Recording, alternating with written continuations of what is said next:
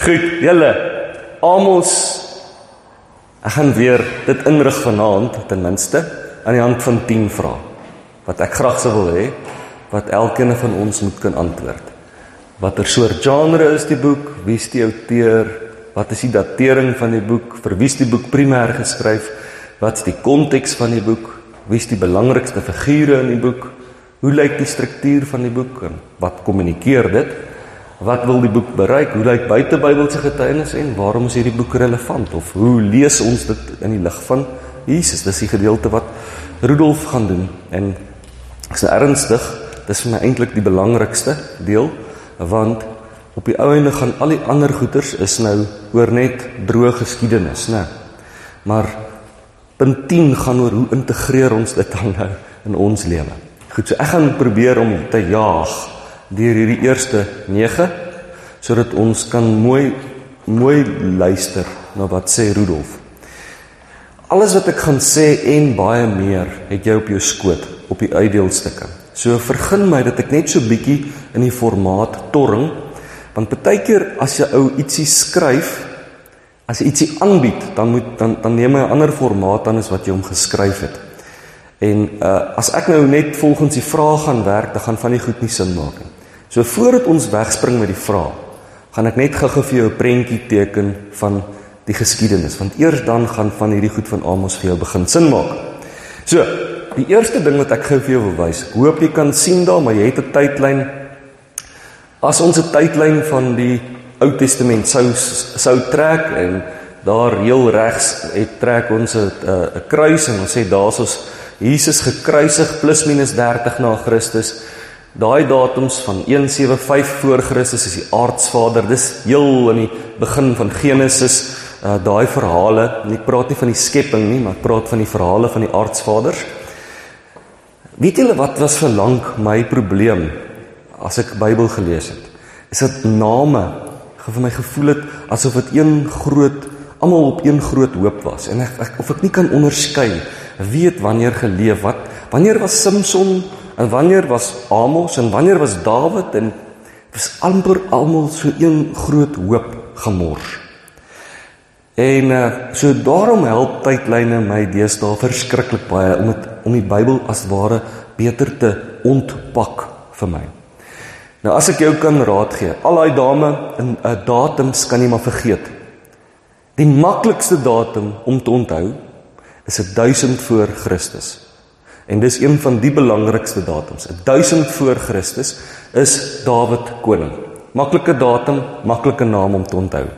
En nou kan jy enige naam inpons in hierdie uh calculator en dan kan jy vir jouself afvra, was daar al konings in daai tyd of nie? Want Dawid is tog die tweede koning, né? Die koning net voor hom was die eerste koning, dit was koning Saul. So in Samson se tyd, was daar al konings? Nee. Dit was rigters. So met ander woorde, dit moet voor 1000 voor Christus wees. Ander name soos byvoorbeeld Amos, was daar al konings? Ja, So dit moet na 1000 na Christus wees. Nou dit alleen help jou al klaar baie. Maar kom ek verduidelik nou nog meer wat die boek so bietjie beter gaan oopbreek vir jou. Dawid het mos 'n seun Salomo. Salomo het 'n seun Rehabiam en onthou jy die makker gaan toe en hy kry toe raad by sy jong vriende wat sê hoorie so jy's nou die nuwe koning wil jy nou vir die ouens wys dat jy gesag het verhoog die belasting En uh, die ouer mense sê vir hom moenie die belasting verhoog nie. Die volk betaal al reeds deur hulle nekke vir hierdie vir hierdie regering. Jy gaan 'n opstand teweegbring. En hy gaan luister mos uit vir sy jonger makkers, né? So, daai gebeure is amper die hartseerste gebeure in die geskiedenis van Israel. Is die skeuring van die ryk. Skielik 12 stamme Elkeen met sy eie stamvader wat die 12 broers mos nou is van van uh, van Josef mos nou. Daai 12 stamme het naderhand saam die volk geword en onder Dawid het hulle verenigde koninkryk gehad, 'n roemryke koninkryk. En hier onder Rehabiam en Jerobeam skeur die ryk. Terrible, terrible, terrible. Die datum is nie so belangrik dat jy dit onthou nie. Jy's nog veilig met 1000 voor Christus. Dis eerder die dat maak 'n mental note dat die ruik geskeur het. Nou as jy 'n kaart gaan vat, o, oh, hy's te klein. Ek is jammer. Ek het nou voorberei vir die jeuglokaal. As jy 'n kaart vat en jy trek so denkbeeldige lyn, dan het die uh ryk presies in 'n noordelike en 'n suidelike deel verdeel. Daar is Jerusalem en daar is Samaria. En die noordryk was het bekend gestaan as Israel en die suidryk het bekend gestaan as Juda. Juda het twee stamme gehad. Die noordryk het 10 stamme gehad. Ah, en dit was broers van mekaar en hulle het geveg soos vyande van mekaar. Hulle was verneig teenoor mekaar. Die suidryk waar Jerusalem is en Jerusalem is die hoofstad, het nog steeds sy eie uh offerkultus gehad. Plek waar mense offers gebring het. Maar die noordryk het hulle offerkultus gebring in Bethel, ook 'n be baie belangrike godsdienstige sentrum. En daar het so al 'n afguns ontstaan tussen die twee. Nou goed. Die Noordryk val toe met die Assiriese opkoms. Omtrent hier 722 voor Christus, Assirië, die nuwe wêreldmoondheid, hy val die Noordryk binne. Dis in die tyd hulle het ook die Suidryk binne geval daar 'n ontsettende wonderwerk plaasgevind wat ons van lees in die Bybel met Hiskia, maar dit word geverifieer deur die argeologie. OK, massive story. Ek kry hoendervleis net om daaraan te dink. Ek sal dit nog vir julle vertel. Massive story, maar 'n wêreldmoondheid soos Amerika en Rusland kon nie die piep klein Juda inval nie omdat die Here 'n wonderwerk gedoen het. Word geverifieer deur argeologie. Die wêreldmoondheid slaan op die vlug. Later egter ontstaan daar kom daar 'n nuwe wêreldmoondheid die toneel. amper so sê nou maar Indië, né? En hulle oorrompel naderhand vir Assirië en dit is die Babiloniërs. En die Babiloniërs na baie profete wat optree en waarsku en waarsku en waarsku en waarsku keer die Jud, die Juda ryk nie terug na die Here nie en die Babiloniërs voer vir die suidryk weg. Man is net 'n rukkie En toe kom maar 'n derde wêreldmoondheid op die toneel. Kom ons noem dit sê nou maar die Chinese, wie ook al, nee, nog 'n derde wêreldmoondheid. En dit is die Perse. Kores is die is die koning se naam en hy wil graag die ouens se gesindheid wen en hy sê almal van julle wat ons weggevoer het wat die twee vorige wêreldmoondhede voor my weggevoer het en waarvan ek nou beheer oorgeneem het oor daai grondgebied van hulle. Elke keer nee, as 'n wêreldmoondheid oorneem, dan neem hy die vorige ou se grond en nog meer oor. Hy sê almal van julle, julle kan terugkeer.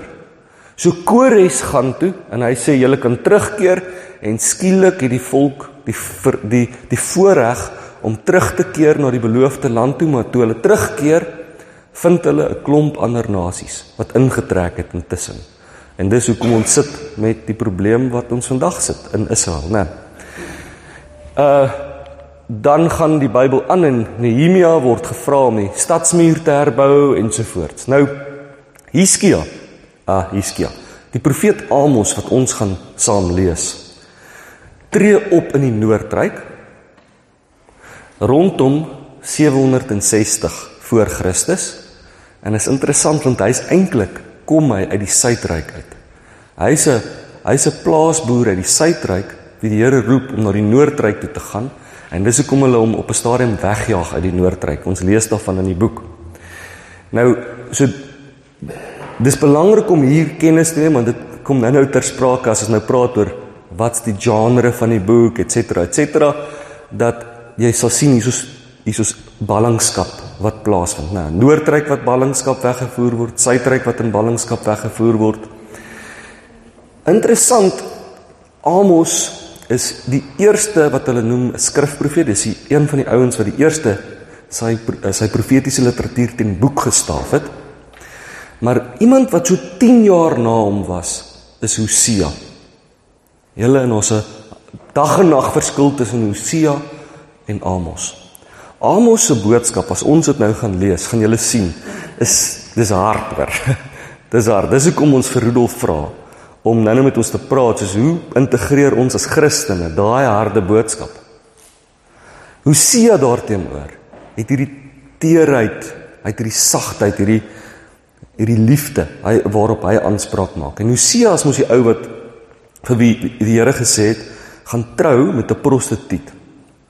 En dan gaan loop die prostituut rond terwyl sy met hom getroud is. Hy is in 'n huil Hosea. Dan sy hart gebreek oor hierdie vrou van hom wat so ontrou is en dan sê die Here, dis hoe ek voel. Okay, so dis baie interessant as jy dan hierdie twee vergelyk met mekaar. Amos en Hosea. Uh Amos kom van die suidryk af. Hosea kom van die stedelike noordryk. Die gehoor Amos het 'n internasionale gehoor. So as jy wegspring in die boek Amos, gaan jy sien my wêreld. Hy praat sommer teen 'n hele rits ander wêreldmoonthede, buurstate, Edom en Moab en so aan, terwyl Hosea praat net met Israel. Uh die appel van Amos is waarskuwend. Ek gaan julle weglaat voer. Uh Hosea is uitnodigend. Sê asseblief keer terug. Die trant is verwytend, dit maak ons baie ongemaklik terwyl Hosea se trant is teer, teer, vol liefde. Uh hy almos beklemtoon goddelike straf, hens dis hoekom ons vir Rudolf vra om met ons te praat, Hosea goddelike liefde. En dan hierdie ene is nogal dit maak groot klomp goed oop vir jou. Uh dis asof Amos se verwyte teenoor die volk alles gaan oor horisontale verhoudings wat skibreek gelei het. Die Here sê, "Wat is nie vir my nice dat julle ander mense wat na my beeld geskep is, soos gemors hanteer nie." Terwyl Hosea se trant wat hy inslaan, hy, hy sê die verhouding wat skibreek gelei het is die ontrouheid tussen God en mens. Goed. Ehm um, so kom ons kom nou terug na Amos. Nou het jy 'n bietjie gehoor oor profete en oor ballingskap en so aan. So nou kan ons 'n bietjie meer in diepte ingaan en Die eerste gedeelte moet ek eers 'n paar voetwerk doen en dan gaan ons baie vinnig gaan. So.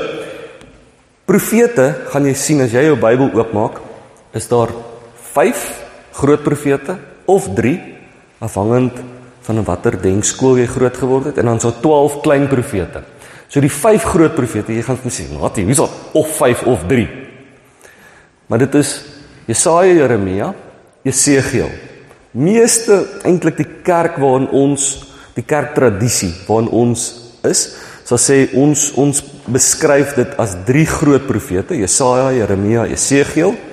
En dan is die ander twee is klaagliedere, dis 'n feesbundel. 'n Feesbundel is goed soos is boeke soos Ester en so aan wat elke jaar tydens sekere feeste gelees is. En klaagliedere is gelees elke jaar om die om die val van die tempel te commemorate. En dan is dit Daniël wat ook dit is groot profete, met ander woorde nie belangrike profete nie, beteken baie volume werk, so dis 'n langer boek. Maar hy's baie anders as 'n gewone profeteboek, want hy's eintlik apokalipties. So dis dieselfde tipe genre as wat Openbaring is in die Nuwe Testament. So die Ou Testament het sy eie Openbaring en dit is die boek Daniël. Rudolf gaan waarskynlik volgende keer met ons praat oor hoe uh hoe wat die gevare van uh die interpretering van apokaliptiek en voorbeelde kan noem oor waar kerke dit letterlik verstaan en wat gebeur dan? Dan sit jy met 'n gemors. OK. So 'n klein profete is nie klein omdat hulle onbelangrik is nie, maar dis die klein in terme van die lengte van die boek. Daar's hy. En die ene wat daar uitstaan wat odd one out is, is Jona. Want die hele boek is eintlik 'n storie met net een sinnetjie van 'n profetiese uitspraak vir Ninive bekeer julle. Maar dis nogtans 'n klein profeet. Nou goed. Binne daai sien jy daar's ons Amos, deel van die klein profete. Nou, as jy 'n Jood was, het hierdie boek Amos was dit nie onbelangrik vir jou nie. Want as jy 'n Jood was, het dit deel gevorm van jou Joodse Bybel wat ons noem die Tanakh. Die Tanakh bestaan uit 3 dele. Die Joods elke Joodse Bybel wat nou ons tipies ons Ou Testament is, né? Elke Joodse Ou Testament, ag elke Joodse Bybel of ons Ou Testament bestaan volgens Jode uit 3 dele uit. Die Torah. Uh, ek moet dit eers verduidelik. In in Hebreëus het jy net ehm um, het jy nie vokale nie. Uh so jy het uh, so hulle het hom uh, getranskribeer en gesê dit is hoe hy gespel word. So hulle het net gewerk met die met die uh T en die N en die K en gesê dit staan vir die Torah, die Nevim en die Ketuvim. Die Torah is haar eerste 5 boeke. Die Pentateug, Genesis, Exodus, Levitikus, Numeri, Deuteronomium en die Nevim is die profete en die Ketuvim is die geskiedskrywing. Okay, so ons gaan werk met die profete. En nou is verskriklik dit die hierdie bundel profete sien ons is alreeds hier vanaf 150 voor Christus as 'n een eenheid altyd saamgelees.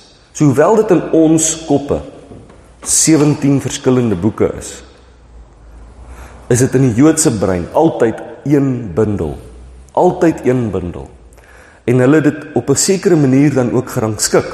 En dis wat dit so beautiful maak. Hulle het dit gerangskik deur Kom ek nou wys nou nou vir jou. Kom ons gaan nou nog nog 'n bietjie dieper om vir jou te wys hoe sit Amos in. Gaan nou nou terugkom na die rangskikking. Amos is 'n profeet, né? Het julle al hierdie tree of life gesien, né? Om te sien hoe sit sekere diersoorte in mekaar, né? Hoe sit hierdie voël is familie van daai voël, is familie van daai voël. So ons gaan nou kyk hoe hoe sit Amos binne in die profete uh tree of life in mekaar. Jy kry vroeë profete en dan kry jy latere profete. Vroeë profete is soos profete waarvan ons nie 'n enkele geskrif besit oor dit wat hulle ge, uh, uh, gelewer het nie. Soos byvoorbeeld Elia en Elisa. Ons lees van hulle en ons lees van hulle wonderwerke, maar daar's nie 'n boek wat hulle uitsprake bevat nie. Die latere profete of die skrifprofete, hulle is die ouens wat wie se profetiese of wie se profeseë opgeteken is. So obviously Amos is deel van die skrifprofete, latere profete. Nou daai latere profete word weer opgedeel in voorballingskapsprofete en naballingskapsprofete. Nou maak die tydlyn vir jou sin. So Amos sal jy wat sê? Waar is hy? Voorballingskap. Korrek, want dit was hy het gewaarsku voordat die Assiriërs aangeval het. Nou gepraat van voorballingskap, hy verdeel nog meer in voor Assiriese ballingskap en voor Babiloniese ballingskap. Voor Assiriese ballingskap gaan wees mense profete wat mos nou in die noordryk opgetree het en voor Babiloniese ballingskap is mense wat opgetree het in die suidryk. En dan onder hulle kry jy nog klein profete. Toevallig onder hierdie voor Assiriese ballingskap kry jy net klein profete, nie groot profete nie. Maar hier voor by die voor Babiloniese ballingskapsprofete kry jy groot en klein profete en dan by die naballingskapsprofete dis die ouens wat die volk as ware moet optel. Hulle is verpletter. Daar kry jy groot profete en klein profete. So as ons nou mooi gaan kyk, die vroeë profete, dis voorbeelde soos Moses, Joshua en so aan. Uh en dan onder die uh Noordryk, uh die Noordryk is hulle Elia, Elisa, Ons besit geen uh, profeseë van hulle, opgeskrewe profeseë nie.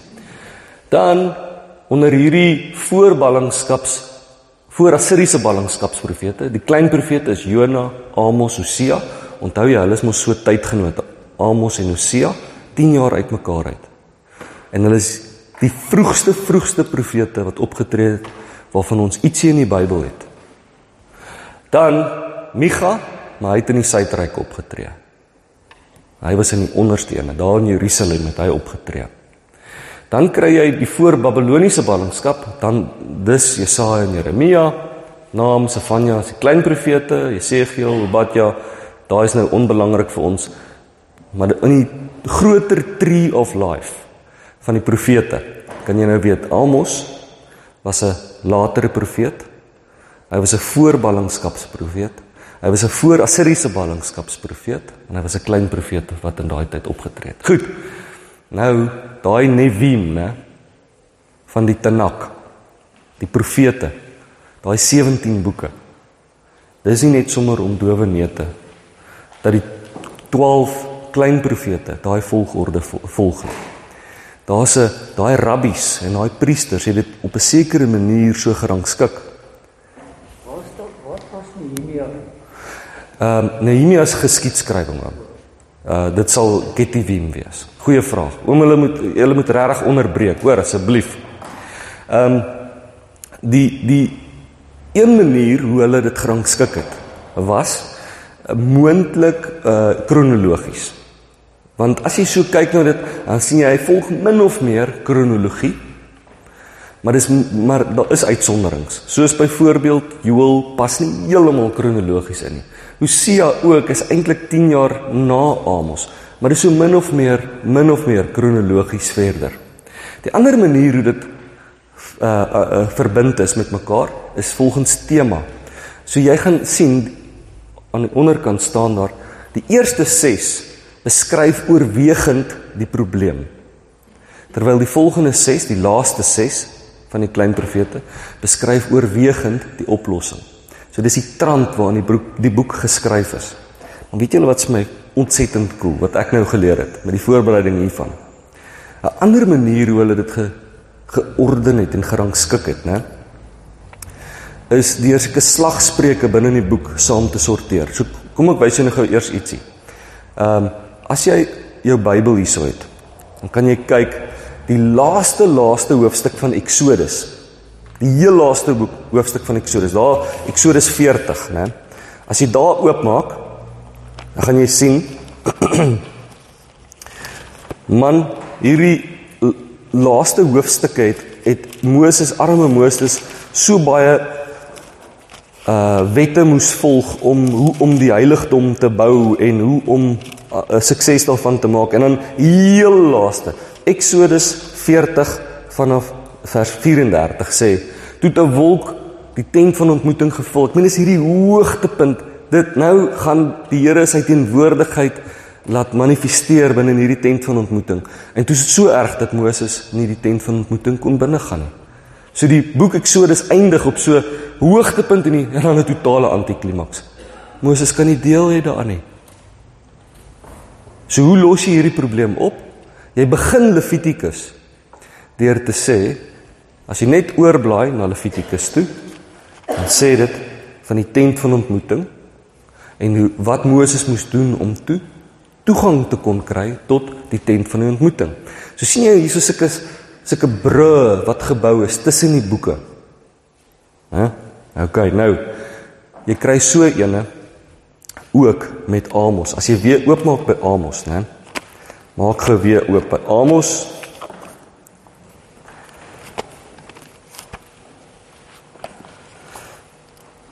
En dan kan jy een terugblaai na Joel toe.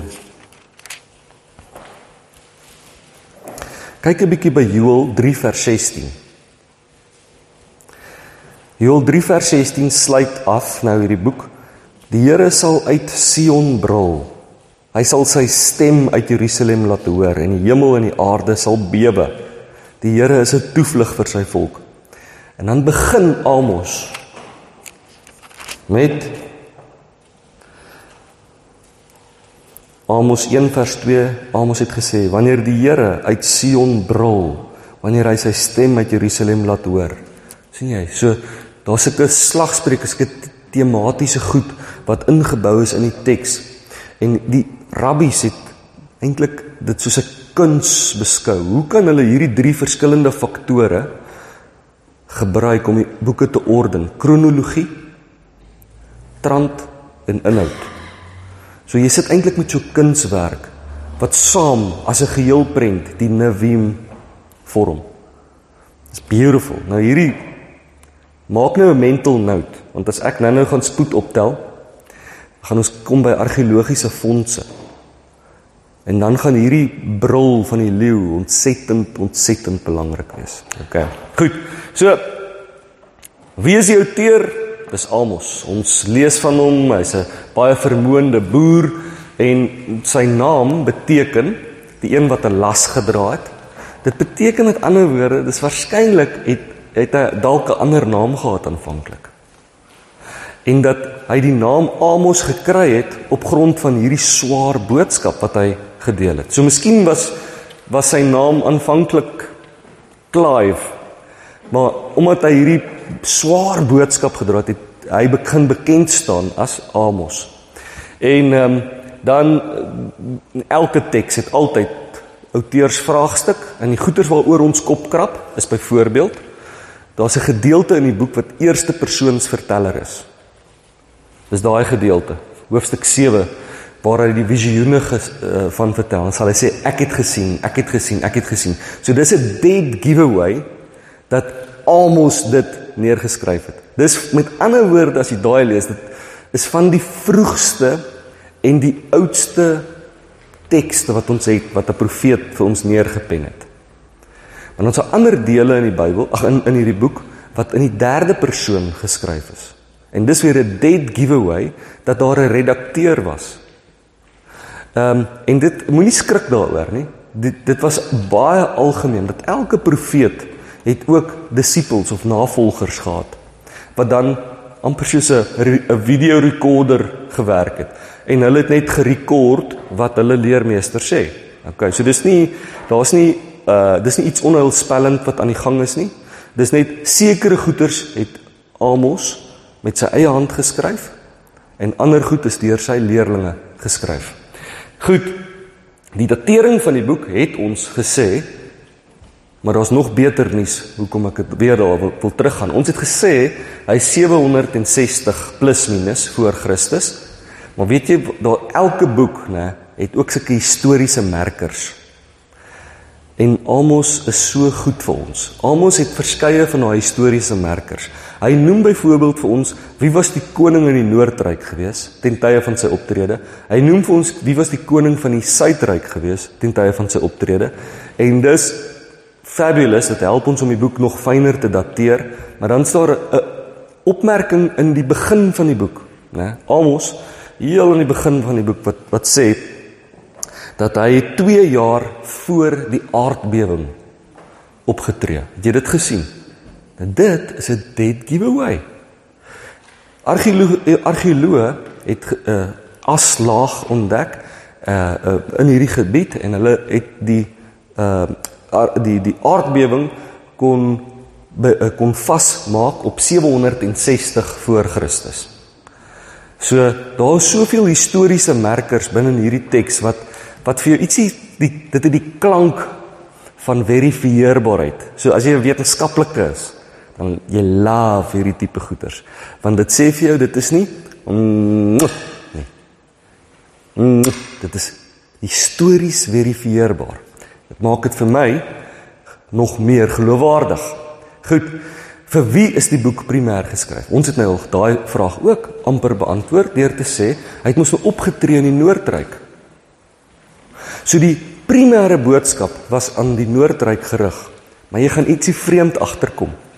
En ek ja, ek, ek moet dit vir jou dan nou amper jou uh voorberei. As jy so wegspring in die boek, gaan jy agterkom hy rig 'n klomp oordeelsgedigte aan ander nasies. En dan kan jy nie heeltemal agterkom om watter rede is dit dat hy nou met ander volke praat nie. Maar dit het 'n baie belangrike effek. As jy nou weer daai kaart vat, dan begin die eerste oordeelsgedig daarso. En dit is Damaskus. Die volgende oordeelsgedig, daar's 8 oordeelsgedigte waarmee hy begin. Die volgende oordeelsgedig is daar in Gaza, dan in jou Bybel staan daar teen die Filistyne. En dan worstel jy nog deur dat jy kan nie agterkom wat gaan hier aan nie. Die volgende oordeelsgedig is teen Tyrus en dan teen Edom en dan teen Ammon en dan teen Moab en dan teen Jerusalem. Die suidryk, die hoofstad van die suidryk. Nou hier is 'n klomp goed wat aan die gebeur is. Eerstens onthou jy Hosea was nou 'n baie sagter profeet, meer teer, meer vol liefde. Amos nogal hard, né? Maar die ander verskil mos tussen die twee is ook Hosea was meer nasionaal gerig net vir Israel terwyl Amos is internasionaal gerig. Dis hoekom. En dit krap een van die redes hoekom dit is, as jy nou jou kop gaan krap, is die Here sê daardeur, dit is my probleem met al hierdie nasies. Almal van hulle is besig. Dis nou een ding van van Israel as hulle die vertikale lyn verbreek en ontrou is aan my. Want die ander nasies is dien nie my nie. Dit ek kan dit verstaan. Maar ek het dit teen alle nasies as hulle mense wat na my beeld geskape is uitbuit. En minag en trap en daarin is al die nasies skuldig. En nou raak jy so afkruiwerig as jy in die noordryk gebly het. En hierdie bomme val so op jou eers op hierdie land dan op daai buurstaat, dan op daai en dan op daai dan voel jy die spanning opbou en opbou en opbou want elke keer kom hy nader en nader en nader totdat hy die laaste bom laat val op Israel. En nou sê deurdat hy eintlik al sy profetiese uitsprake aan die nasies rig. Daardeur sê Amos Israel Julle het gedink julle is soveel beter as almal anders, julle is op presies dieselfde vlak as hierdie klomp heidene. Julle is op presies dieselfde vlak.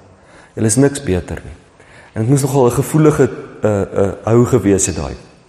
So die primêre gehoor is Israel, hoewel daar 'n woord is vir al die ander nasies. Ons weet nie of Amos daar was by daai nasies toe hy dit gesê het nie, maar sy leerlinge het definitief dit vir ons neergeskryf. Wat is die konteks van die boek? Die konteks van die boek sal wees, kom ons en dit gaan hierso jammer. Ehm um, die kom ons sê net in die in die Noordryk was dit Jerobeam 2 wat koning was op hierdie stadium. Met ander woorde nie Jerobeam wat met Rehabiam stry gekry het en toe die ryk laat skei het nie, né? Dis 'n volgende Jerobeam en is waarskynlik een van die beste konings wat die Noordryk nog gehad het. Hulle noem dit die goue eeu gewees. Dit was die goue eeu vir Israel, vir die Noordryk. Hierdie ou het net die mense het in vrede geleef. Die mense het in weelde geleef. Daar was 'n toestroming na die godsdienstige praktyke van daai tyd. Hulle die mense het offers gebring like mad en so aan. Maar soos in so baie gevalle as die rykes al ryker raak, het die armes al armer geraak. En die godsdienstige praktyke is nagekom het was vir die show gewees.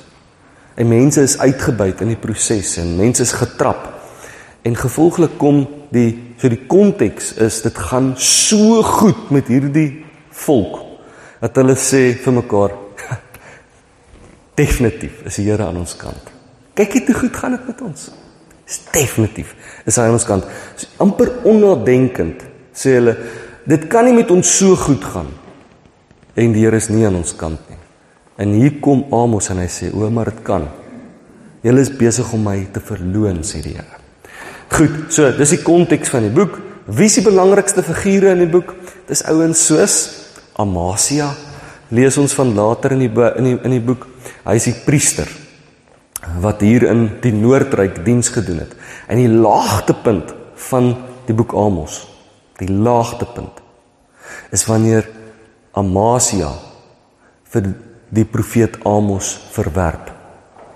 So as jy amper 'n grafiek van spanning wil trek, dan moet jy sê dis die laagte laagte punt, dis die draaipunt wat jy weet hierdie volk het is verby the point of no return. Want die belangrikste godsdienstige leier in die Noordryk verwerp hierdie profetiese woord wat wat Amos bring. Tragies, tragies. So en dan is dit natuurlik Jerobeam 2 en so aan. Dis die meeste wat ek daarop nou wil sê. Hoe lyk die struktuur van Amos? Daar is 'n mooi struktuur vir jou uiteengesit en hy's op jou heel agterste bladsy.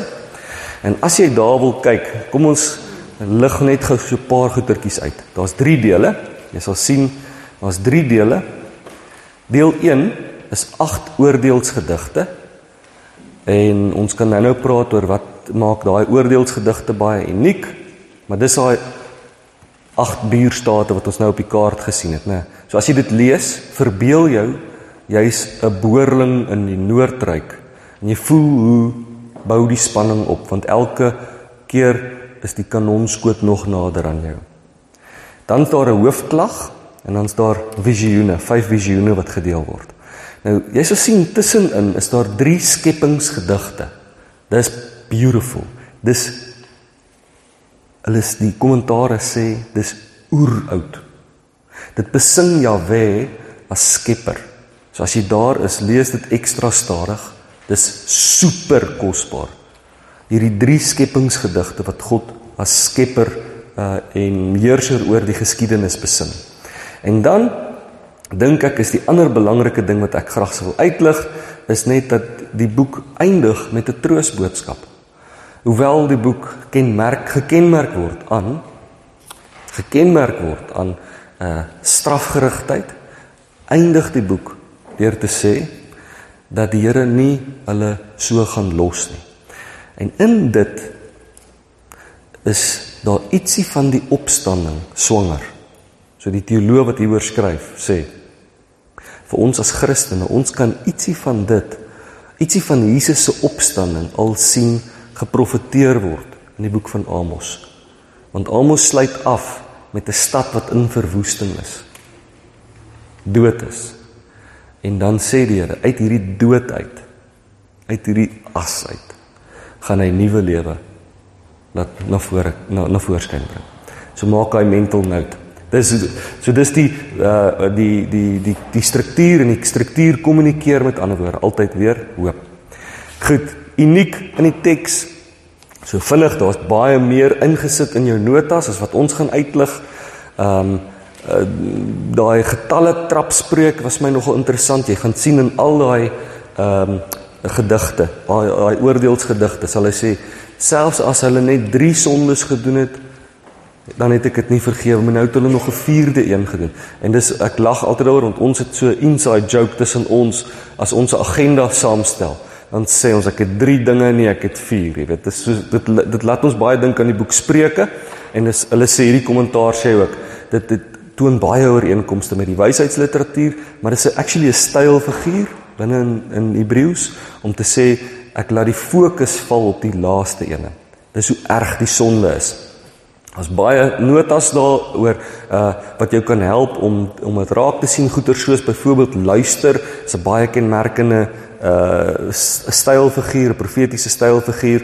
En dan dink ek dat die ander die een laaste een wat ek daar gaan uitlig is die tydsaanduidings in die derde deel. Want daai tydsaanduidings wat sê daardie dag of dit sal die dag van die Here wees word 'n baie belangrike tema binne in die boek, naamlik die tema van die dag van die Here. Wanneer jy elders in die Nuwe Testament of deur die Bybel hoor van die dag van die Here sal 'n verskriklike dag wees. Daai assosie daai dag van die Here is mos swanger amper met vrees, die dag van die Here. En daai inhoud van daai vrees kom alles uit die boek van Amos uit. So al die profete wat na Amos opgetree het, werk met hierdie tema van die dag van die Here wat 'n verskriklike dag sal wees. So dit is 'n baie belangrike tema om raak te sien. En dan wat wil die die boek bereik? Die boek probeer sê. Ouens in die Noordryk, julle dink dit gaan so goed en julle dink dit beteken God is outomaties aan jou kant. Die lewe is meer kompleks as dit. Jy kan ryk wees en nog steeds die Here se hart breek. Jy kan ryk wees en nie 'n hart hê vir medemense nie. En dit breek die Here se hart. En dis wat die doel, dis wat die boek ten doel stel. Nou ek sê nou die dag vir vir Rudolf, ek wil nou 'n gewaagde ding sê. Maar dis net om te sê dis vir die boek. Dis wat die boek met my doen. Ehm um, ek kan amper nie anders as as, ek hierdie boek lees om so te dink aan ons bergsig buurt nie. Ehm um, ek ek ek sien die bergsig uh buurt se se WhatsApp groepies nê. Uh, oor hoe ons praat van bedelaars. Wat se probleem dit is. En kyk ek is mos nou die sending droom nie. Ek weet mos dis 'n probleem. Ek jy van almal hoef jy die minste vir my te sê moenie vir mense by 'n robot geld gee nie, dit hou hulle op straat. Ek weet dit. Dit is dis dis die feite. Ek weet ons moenie mense voer nie. Dit gaan nog meer mense lok. Ek weet dit. Maar dit is net nie so maklik as om te sê jaag hulle uit 'n buurt uit, laat hulle iemand anders se probleem wees nie. Dit is so maklik om te sê ek gee nie om waar hulle weet hulle hulle moet net nie my swart sakke skeer op soek na broodkrummels nie. Dat hulle dit eerder iemand anders dit is ongerieflik vir my. Julle Ons kan nie ehm um, hierdie probleem oplos nie. Want ons sit so binne 'n groter stelsel, 'n ekonomiese stelsel en ons moet weet hoe ons met dit gaan saamleef. En ons moet die sensitiwiteit van die Gees hê, van die Heilige Gees om so van situasie tot situasie te weet nee. Vandag gaan ek nie help nie. Vir jou gaan ek help. En die Gees dring my daartoe. Maar so verkeerd as wat dit sou wees om te sê ons moet net almal help en ongeag wat se maatskaplike rimpel-effek dit weer teweegbring, so verkeerd gaan dit ook wees om 'n reël neer te lê om net te sê ja, hulle is almal na God se beeld geskape, maar stoot hulle een kant toe, dis iemand anders se probleem. Ons moet ons buurt veilig hou. Dis wat die boek in my losmaak. Ek kan nie in my bevoordeelde posisie sit met 'n dak oor my kop en kos in my yskas. En net mense wat geskape is na die beeld van God net 'n blinde 'n blinde oog draai. Kan nie. Dis die dis die appel wat hierdie boek op die sosiale geregtigheid los. Volgende Hoe lyk die buitebybelse bewyse van die boek of buitebybelse getuienis? Dit is vir my so interessant. Kom ek wys jou hierdie een. Daar's meer as 50 van hierdie kontrakte opgegrou. Dis 'n kontrak, hè? Kan jy dit dink?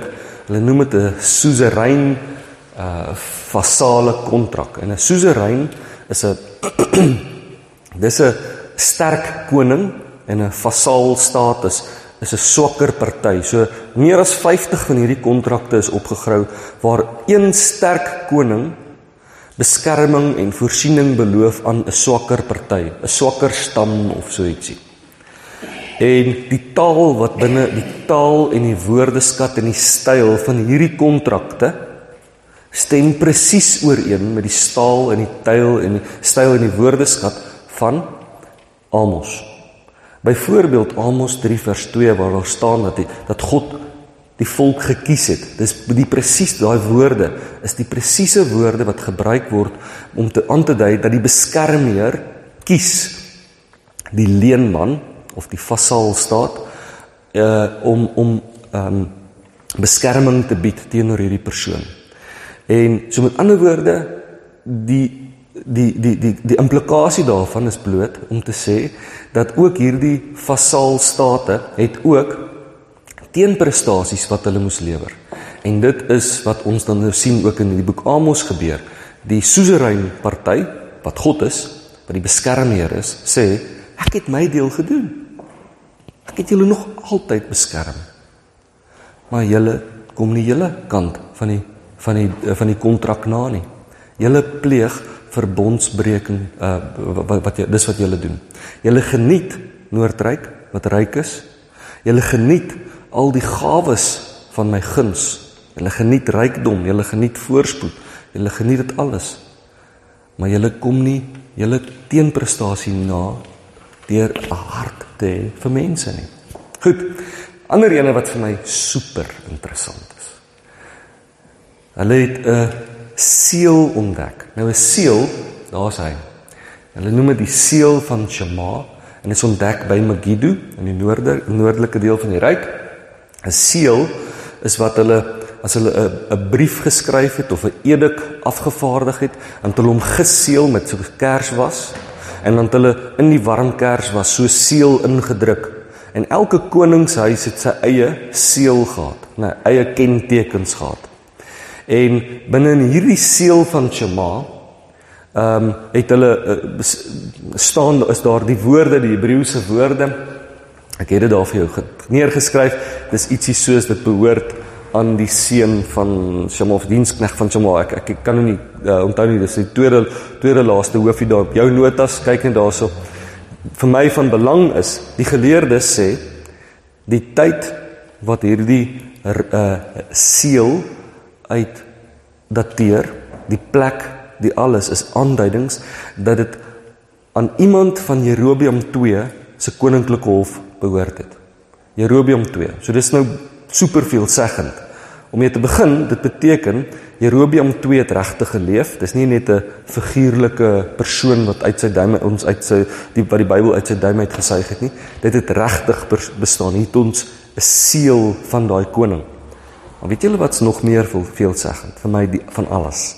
Is julle op hierdie seël is uitgebeeld 'n leeu wat brul. Die kenteken van Jerobeam 2 se familie, hulle family crest was 'n leeu wat brul. Maak dit nou sin hoekom Amos sy boek begin deur te sê: O Jerobeam, jy dink jy's die leeu wat brul. As God uit Sion begin brul, gaan die aarde tuimel. Ek is die koning. Ek is die koning.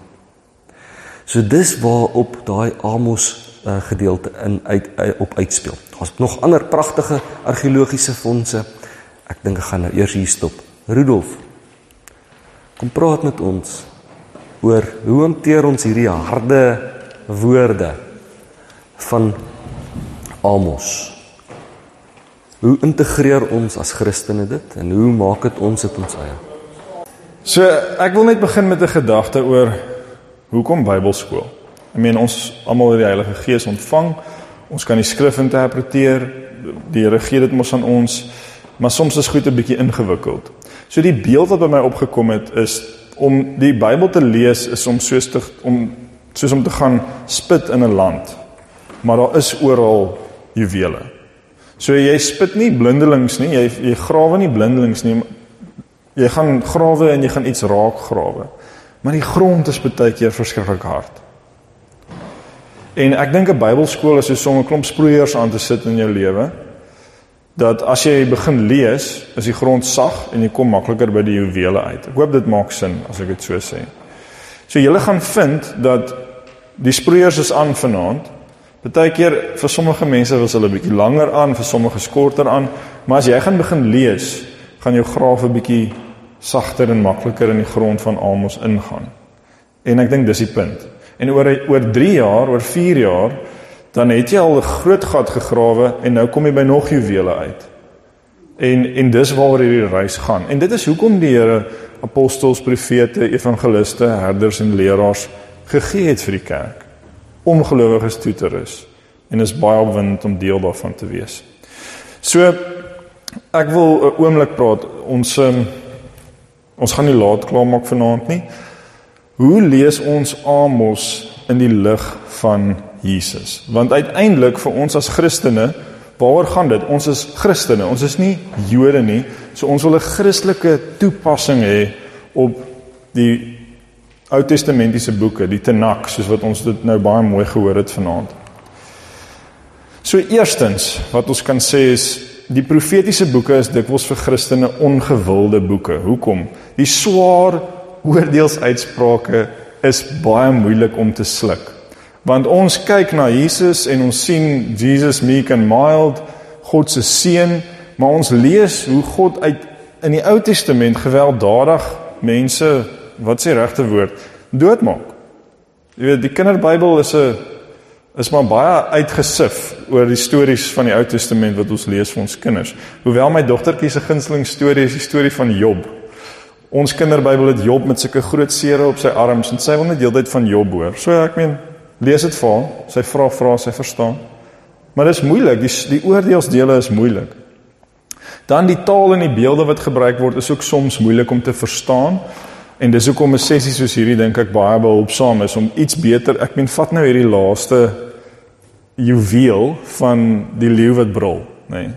Nou begin 'n mens die boek as jy dit begin lees en jy verstaan net iets meer van die beeld en die en en dit wat gebruik word op daai manier.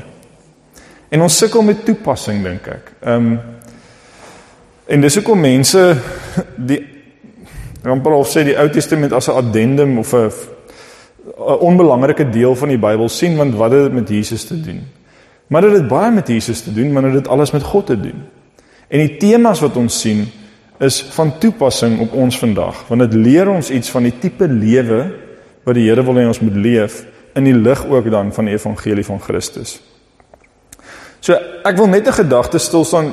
Ek ek werk nou heeltemal hier uit my notas uit op bladsy 11 wat julle ook daar voor julle het. Ek wil net iets sê oor wat is die oorsaak van God se oordeel in Amos? Hoekom is die Here so verskriklik kwaad spesifiek vir sy volk? En dit gaan alles oor sosiale ongeregtigheid. So die rykes ignoreer die armes, hulle verkoop hulle in slawerny en hulle weier dat hulle regsverteenwoordiging kry. Maar wat ons moet weet van hierdie rykes is dat hulle is godsdienstig baie aktief. Nou goed, daar was afgoderry en die vrug van afgoderry is altyd ongeregtigheid. Maar in hierdie spesifieke situasie word die armes so uitgebuit.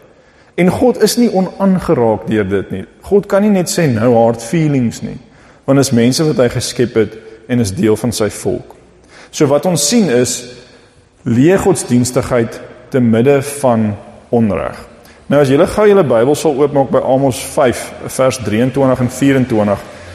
Dis 'n dis 'n sleutelteks in die gedeelte dink ek. En jy sou dit verseker al raak gelees het, maar ek dink na vanaand gaan jy dit dalk in die konteks van die boek en die konteks van die die groter storie kan kan inlees. So ek lees uit die 2020 vertaling uit. Hou die lawaai van julle liedere weg van my. Die klank van julle harpe wil ek nie hoor nie. Laat die reg voortrol soos water en geregtigheid soos 'n standhoudende stroom. So wat die Here sê is hou op met julle praise and worship. Hou op om liedjies te sing maak dood die orrel. Vat die bandie weg. Ek wil dit nie hoor nie.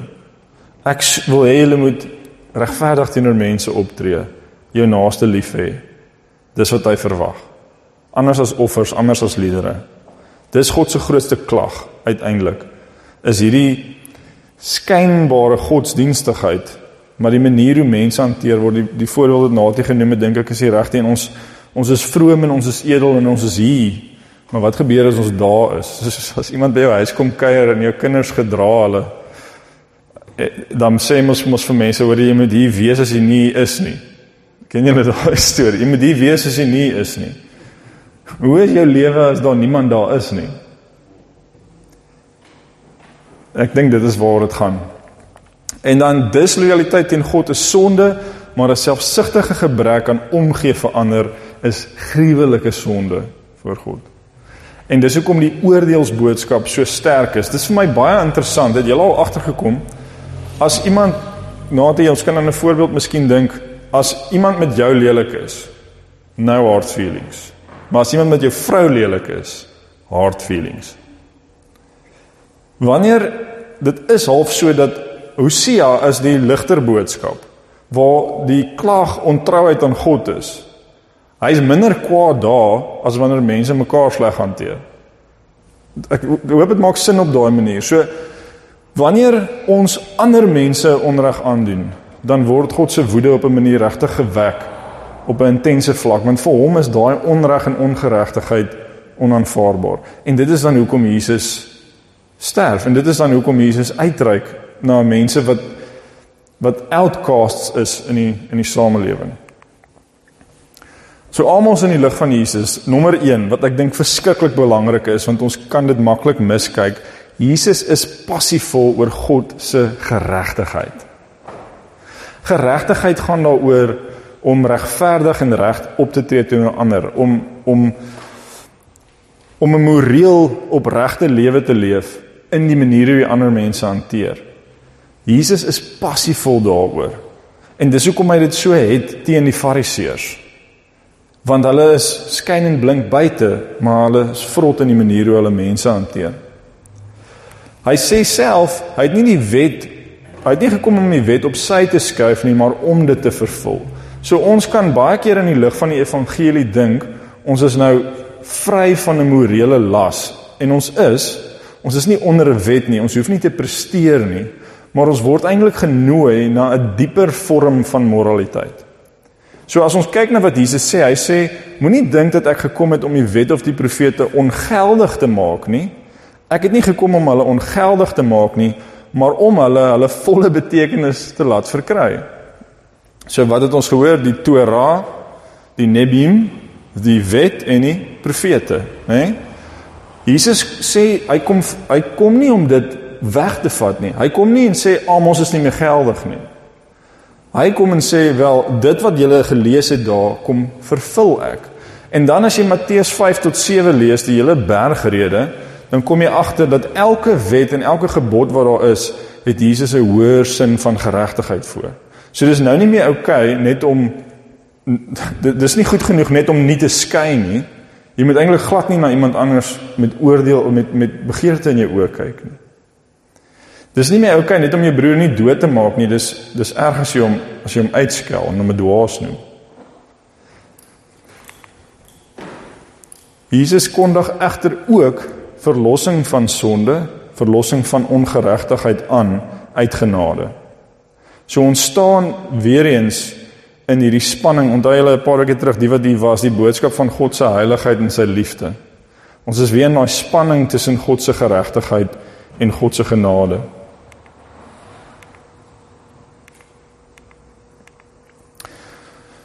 So as ons kyk na die evangelie, die boodskap van die evangelie is dat ons eie geregtigheid kan ons nie red nie. Maar ons verlossing in Christus roep ons juis op tot 'n hoër geregtigheid.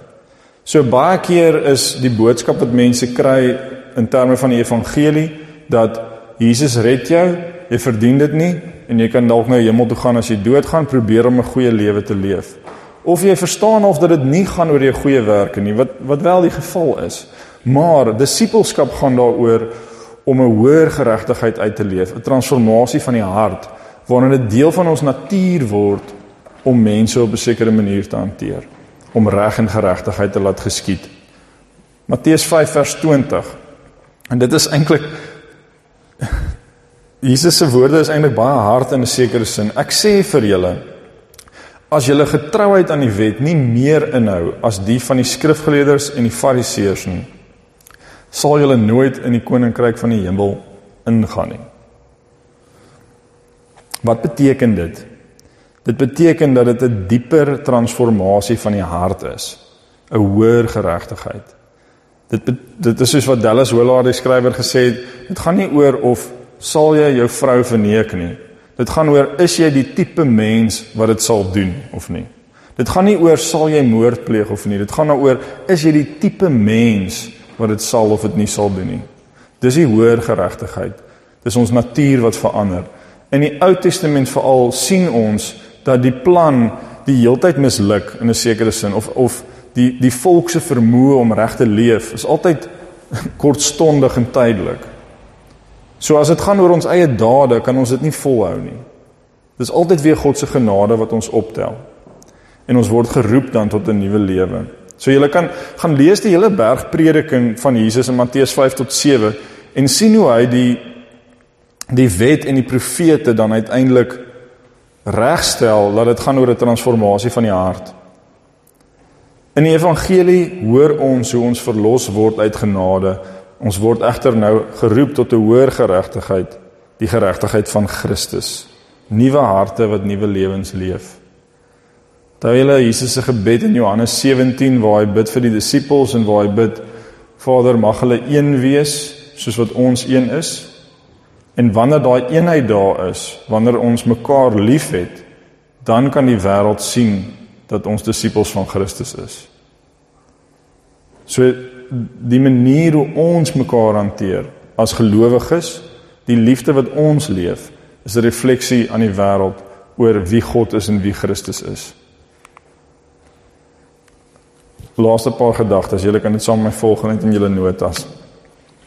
So aan die een kant mis ons die evangelie as ons dink dit gaan slegs oor sosiale geregtigheid, met ander woorde goeie dade aan ander. Ons kan dan maklik in 'n werksheiligheid verval en 'n vorm van wettisisme uitleef. Met ander woorde, as jy dink dat 'n lewe saam met God net daaroor gaan om ongeregtigheid in die samelewing aan te spreek en om mense wat minder bevoordeel is te help en om goed te doen aan ander. As jy dink dis alwaar dit gaan, gaan jy nie die volle prentjie hê nie. En jy gaan waarskynlik 'n swaar las van wettisisme op jou skouers begin dra. So dit gaan nie net dit gaan nie net daaroor nie. Dit is eerder die vrug van 'n nuwe lewe in Christus. Aan die ander kant mis ons ook die evangelie as ons God se verlossing losmaak van sy roeping tot 'n lewe van hoër geregtigheid.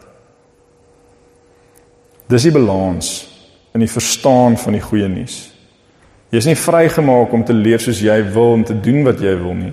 Jy is vrygemaak sodat jy 'n hoër geregtigheid kan uitleef. En dan wat vir my baie mooi is as ek as my so na dit kyk, Christus sterf vir ons ongeregtigheid en roep ons dan tot 'n nuwe lewe van oortreffende geregtigheid. So Amos 1 tot 9, nê, die laaste deel is mos nou daai troosboodskap. Die laaste paar verse. Mense sou kon sê dat Christus sterf om die oordeel te dra van God wat ons eintlik verdien. Sodat ons as 'n uitruiling amper dan die nuwe lewe kan leef om meer en meer soos hy te word.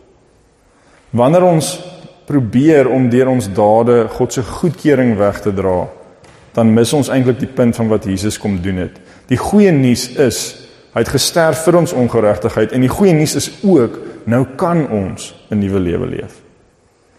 Ons leef nie 'n nuwe en 'n goeie lewe sodat hy ons sal red nie, sodat hy ons sy goedkeuring sal wegdra nie. Maar ons kan so leef omdat hy ons gered het. En hiermee sal ek dan afsluit. Christus se kruis red ons van wettisisme en sy kroon red ons van 'n selfsugtige lewe. Dit is my mooi. Dis sien aan die een kant die prys vir al ons sonde, die offer wat alle goeie dade oortref, die kruis het Jesus betaal. Hy het dit vir ons gegee. So dit maak ons vry daarvan om te dink dat ons dade ons kan red. Dat ons goeie werke ons in God se goeie boekies kan kry. Die kruis doen dit vir ons. Maar wat die kroon van Jesus vir ons doen, die feit dat hy die Here van ons lewe is, dat hy heers in ons lewens. Dit sê vir ons ons kan nie net 'n lewe leef vir onsself, 'n selfsugtige lewe waarna dit oor ons gaan nie. Ek dink die boek Amos se temas van etiek, sosiale geregtigheid, moraliteit om reg te leef, geregtigheid. Jesus se woorde, Jesus se uitsprake is vol van dit. Dis nie opgehef nie.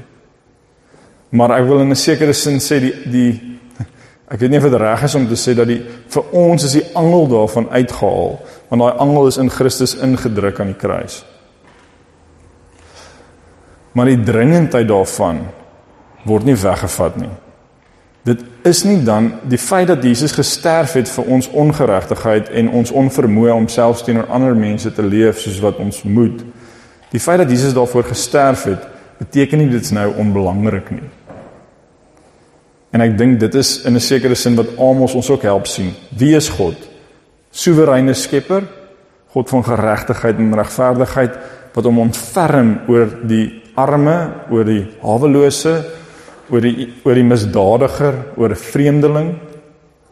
En hy red ons ten spyte van die feit dat ons nie ons ontferm oor hierdie mense nie. Maar hy red ons verseker nie sodat ons kan aanhou om ons nie oor hulle te ontferm nie. As ons regtig vry wil wees, dan is dit om in God se karakter te leef soos wat hy ons geroep het om te wees. Dis dit van my kant af natie.